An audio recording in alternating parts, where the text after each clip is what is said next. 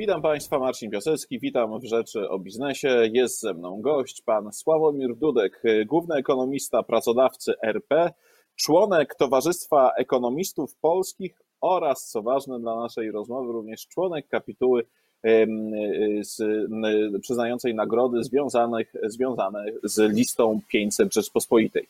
Dzień dobry. Dzień dobry panu, dzień dobry państwu. Y, zacznijmy, panie doktorze, naszą rozmowę właśnie od listy 500 Rzeczpospolitej największych firm w Polsce.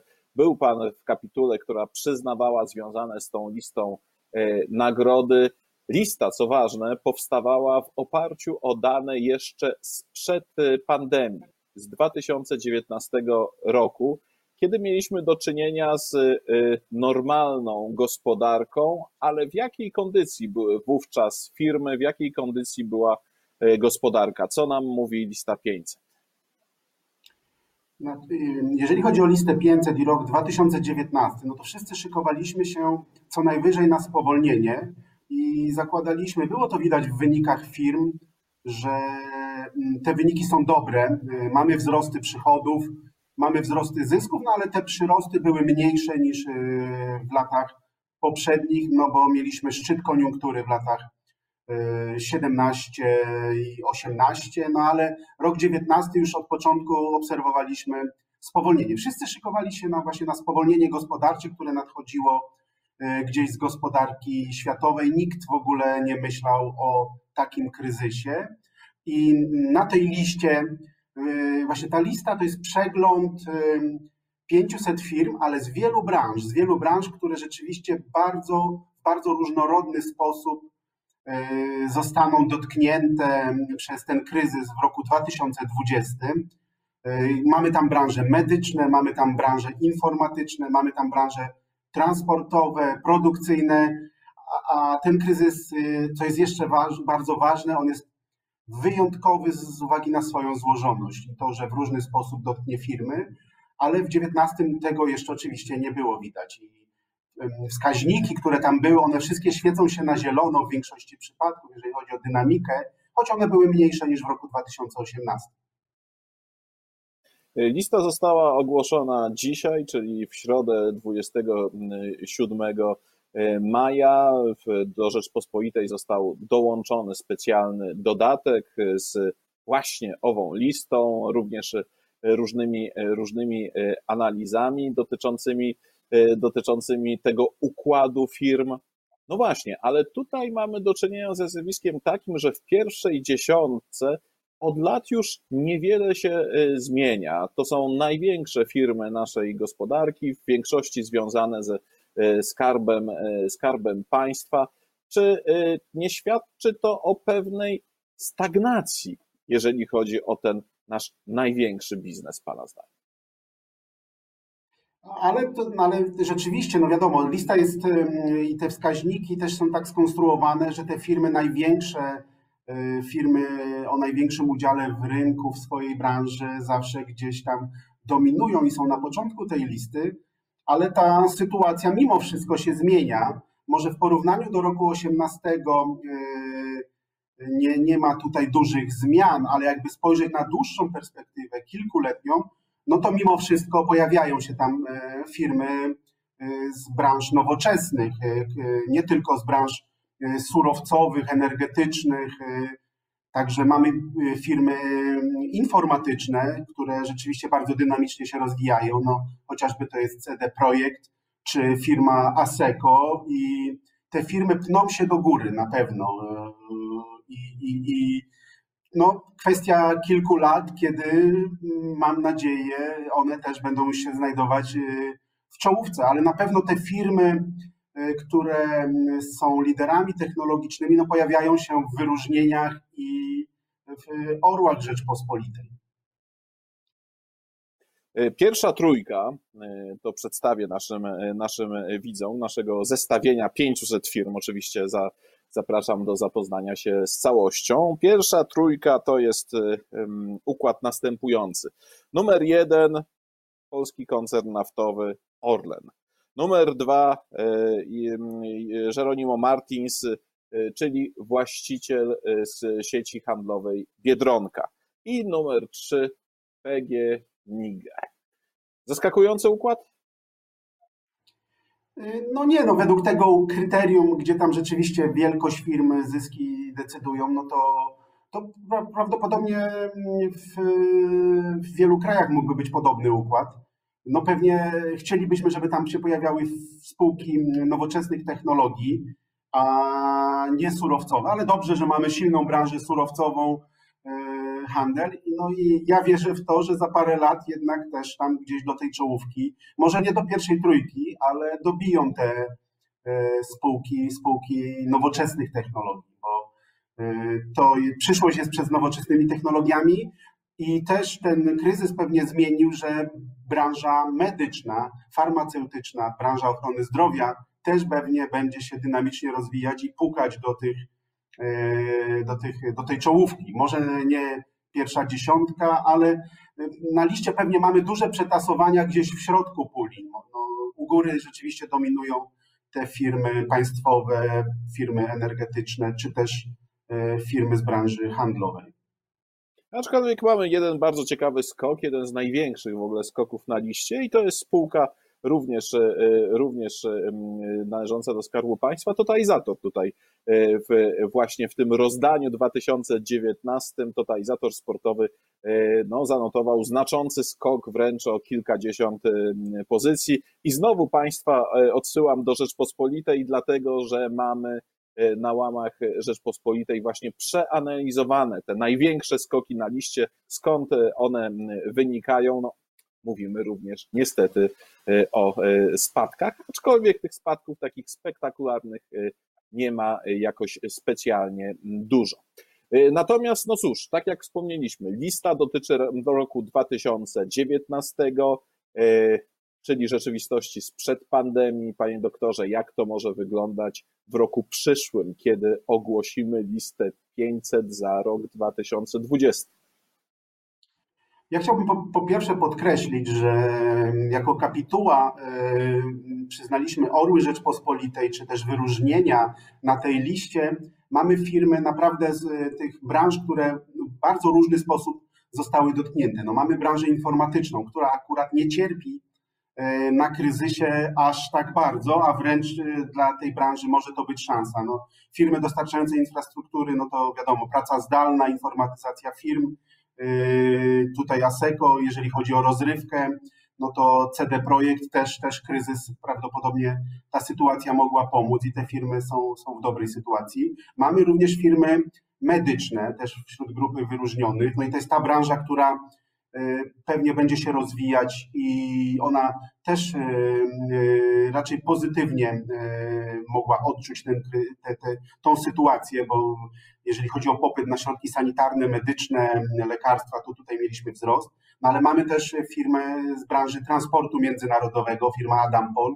Ta firma niestety mogła ucierpieć, aczkolwiek była świetnie przygotowana, stąd wyróżnienie i w roku 19 Y, były dobre y, wyniki, także ten przekrój jest duży. Przede wszystkim trzeba podkreślić, że wchodzimy trochę w nową sytuację, ponieważ polska gospodarka od transformacji nie doświadczyła recesji. Recesji, czyli spadku poziomu PKB. To jest rzeczywiście wyjątkowa sytuacja. To jest pierwsza wyjątkowość tego kryzysu. Doświadczaliśmy spowolnienia wzrostu i to takiego gwałtownego i często to spowolnienie, nie wiem, powodowało wzrost bezrobocia i też trudności firm, ale teraz firmy są przed nową, naprawdę nową sytuacją, niespotykaną w Polsce, spotykaną w e, gospodarkach światowych. Ale to jest bardzo też istotne i na to firmy muszą się przygotować. A druga to rzeczywiście ta złożoność tego kryzysu. Tak jak wspominałem, branża informatyczna, branża medyczna notowała, była na plusie branża transportowa, usługi gastronomiczne, hotelarskie, tutaj bardzo dotknięta ta, ta, ta branża. Kryzys y, jest podażowo-popytowy. Te podażowe czynniki, no to było zamknięcie gospodarki, zamknięcie gospodarki chińskiej, y, a popyt, no to też jesteśmy zamknięci w domach, trochę mniej kupujemy, część z nas straci pracę. Także dużo wyzwań, ryzyko, że przyjdzie kryzys globalny ale nasze firmy, rok 19 pokazał, że wchodziliśmy jednak z wysokiego poziomu. E, firmy są elastyczne, e, polskie firmy, e, no i cały czas jest, kontynuujemy transformację, rozwijamy się, zdobywamy nowe rynki, także prawdopodobnie byliście, jesteśmy, polskie firmy, polski biznes jest zaprawiony w bojach i ja mam nadzieję, że ta lista dużo, w dużym stopniu się nie zmieni, aczkolwiek no mówię, ta branża informatyczna i medyczna może tutaj troszeczkę te pozycje y, pozmieniać, y, ale wydaje się, że wyjdziemy wzmocnieni. Musimy też w końcu przeżyć też recesję i widać z prognoz ekonomistów, że, czy też Komisji Europejskiej, że głębokość recesji, mimo że ją przeżyjemy, będzie jedno, najmniejsza obecnie według prognoz Komisji Europejskiej, jest najmniejszą y, w Unii Europejskiej i zakłada się dosyć szybkie odbicie. Miejmy nadzieję, że jeżeli ten scenariusz się spełni, że będzie szybkie odbicie już y, w roku 2021 y, i pod koniec roku 2020 w zasadzie, to, to ta lista dalej będzie mocna i dalej, dalej będzie, będzie firmy polskie na pewno z gorszymi wynikami. Być może więcej tych wskaźników zapali się się na czerwono. Trudniej będzie kapitule wybierać te firmy najlepsze. Być może ta analiza powinna być bardziej złożona, ale, ale tutaj mam nadzieję, że polski biznes wyjdzie z tego obronną ręką i wykorzysta też szanse związane z tym kryzysem. W swoim komentarzu do e, listy 500 e, e, użył Pan takiego sformułowania, Tutaj też nawiążę do Pana słów sprzed chwili, że polscy przedsiębiorcy są zahartowani przez trzy dekady transformacji. Proszę mi powiedzieć, na czym to zahartowanie, e, zahartowanie polega i czy to jest taka cecha, która odróżnia polskich przedsiębiorców, polskie firmy od biznesu gdzie indziej. Biznesu, który może się przyzwyczaił już do takich no, korzystnych warunków funkcjonowania, dobrej, e, dobrej koniunktury no a u nas bywało z tym różnie. Znaczy są tutaj dwa aspekty. Z jednej strony rzeczywiście my nie doświadczyliśmy recesji. Tak? E, firmy zagraniczne doświadczały. No, firmy amerykańskie mm, czy też firmy europejskie doświadczyły chociażby recesji z roku 2008. My nie mieliśmy wtedy, wtedy recesji, ale polskie firmy, co, ta, co daje tam transformacja? No, cały czas wchodziły nowe metody organizacji biznesu, firmy się restrukturyzowały, y, sposoby zarządzania się unowocześniały, wchodził kapitał zagraniczny. Y, także polskie firmy są elastyczne. To jest, to, to jest takie. My, my jesteśmy, w zasadzie można powiedzieć, że przez te ostatnie trzy dekady było cały czas zarządzanie zmianą i dostosowaniem. Także ta elastyczność może nam pomóc, bo kryzys pokazuje, że trzeba się właśnie elastycznie dostosować, być może szukać nowych rynków zbytu, być może trochę przeorganizować y, proces y, za, za, zarządzania łańcuchami dostaw, pracownikami i wydaje mi się, że właśnie polskie firmy mogą się tutaj mm, skorzystać. Na tym poza tym też pamiętajmy, że my weszliśmy w ogóle transformację, szybciej zaadoptowaliśmy różne, różnego rodzaju nowoczesne rozwiązania. Tak? Nie wiem, polski sektor bankowy jest jednym z najnowocześniejszych na świecie. Ten stopień elektronizacji transakcji e, i, i możliwości załatwiania wszystkiego w sposób elektroniczny jest bardzo duży. Tak samo administracja się elektronizuje i to pokazało, że mimo, że się zamknęliśmy, e, w zasadzie od połowy marca jesteśmy zamknięci, mamy już ponad 2,5 miesiąca zamknięcia no, z ostatnim luzowaniem, to jednak y, dało się funkcjonować y, I, i, i, polskie firmy się dostosowywały do tego, aczkolwiek to nie oznacza, że jest kolorowo. Ja uważam, że potrzebna jest nam też deregulacja, czyli y, polskie firmy są elastyczne, potrafią zarządzać zmianą, potrafią się dostosować, ale jest nadmierna biurokracja i przeregulowanie gospodarki. Proszę zobaczyć, że te tarcze, które zostały ogłoszone, mamy już czwartą tarczę. No właśnie, chciałem zapytać, jak pan to ocenia? Znaczy, y, pierwsza sprawa, ja bym chciał zacząć może nie od instrumentów, ale od tego, że one są bardzo skomplikowane, bardzo obszerne. Jest tam wiele, wiele instrumentów, częściowo podobnych, z różnymi kryteriami. I polskie firmy w badaniach, które y, wszystkie organizacje pracodawców wspólnie prowadzimy, bo się zebraliśmy razem i w ramach Centrum Monitoringu Sytuacji Gospodarczej prowadzimy raz w miesiącu taką ankietę i z tej ankiety wynika, że, że ponad 50%, prawie 54% mówi, że te przepisy są zbyt skomplikowane. E, tych stron już jest ponad 300, mm, jeżeli chodzi o te e, przepisy. I tam instrumentów jest wiele, ale oprócz tych instrumentów, to tam jest, y, pokazuje, jak nasza gospodarka jest przeregulowana i zbiurokratyzowana. Bo co drugi artykuł to jest tak, nie stosuje się tej regulacji. Zawiesza się monitorowanie czy tam raportowanie tego i tak dalej. Mamy tych przepisów, a to pokazuje, że zbyt dużo mamy tych ograniczeń. Wiadomo, epidemia się nie skończy. Pewnie y, dopóki nie znajdziemy szczepionki, cały czas będziemy żyli w tej nowej, y, nowej normalności z epidemią. Mogą się pojawiać kolejne epidemie i regulator, decydenci powinni pozwolić firmom elastycznie i mówię, po kryzysie deregulacja, odbiurokratyzowanie, uproszczenie przepisów. Te nasze tarcze też by były dużo prostsze, gdyby nie to, że mamy tak przeregulowaną gospodarkę. A co do samych instrumentów, to najlepszym instrumentem w ocenie firm jest tarcza finansowa. To był instrument, który od początku postulowaliśmy. Tutaj jest bezpośrednia płynność. Firmy najpierw dostają pożyczkę, a później po spełnieniu pewnych kryteriów następuje umorzenie. I ten, ten instrument idzie sprawniej niż inne, bo stopień realizacji wniosków też nie jest stuprocentowy. Dalej ze złożonych wniosków ponad połowa firmy skorzystała, ale 40-50% e, dalej czeka na rozpatrzenie wniosków. A te instrumenty gwarantowane przez Zakład Ubezpieczenia Społecznego, przez Ministerstwo Rodziny, Pracy i Polityki Społecznej te instrumenty związane z dopłatą do wynagrodzeń, z pożyczkami dla mikroprzedsiębiorstw, ze zwolnieniem z ZUS-em i te całe związane z, z, z kosztami pracowniczym, tam sytuacja jest bardziej skomplikowana, tam stopień zaawansowania realizacji wniosków złożonych to jest 30%, niekiedy 12%.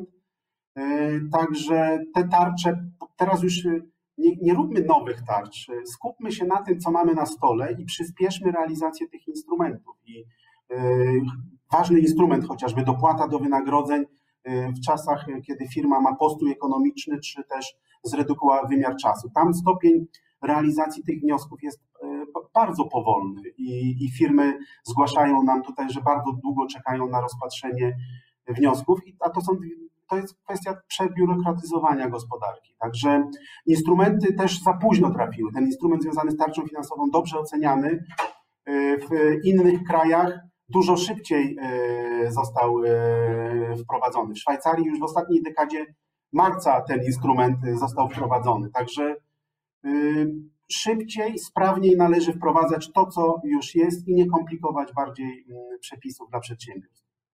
Czyli nie twórzmy nowych tarcz, udoskonalajmy te, które są. Bardzo dziękuję za rozmowę. Moim gościem był pan Sławomir Dudek, główny ekonomista pracodawców RP oraz członek kapituły Orłów Rzeczpospolitej, czyli nagród związanych z listą 500. Bardzo dziękuję za rozmowę. Również dziękuję.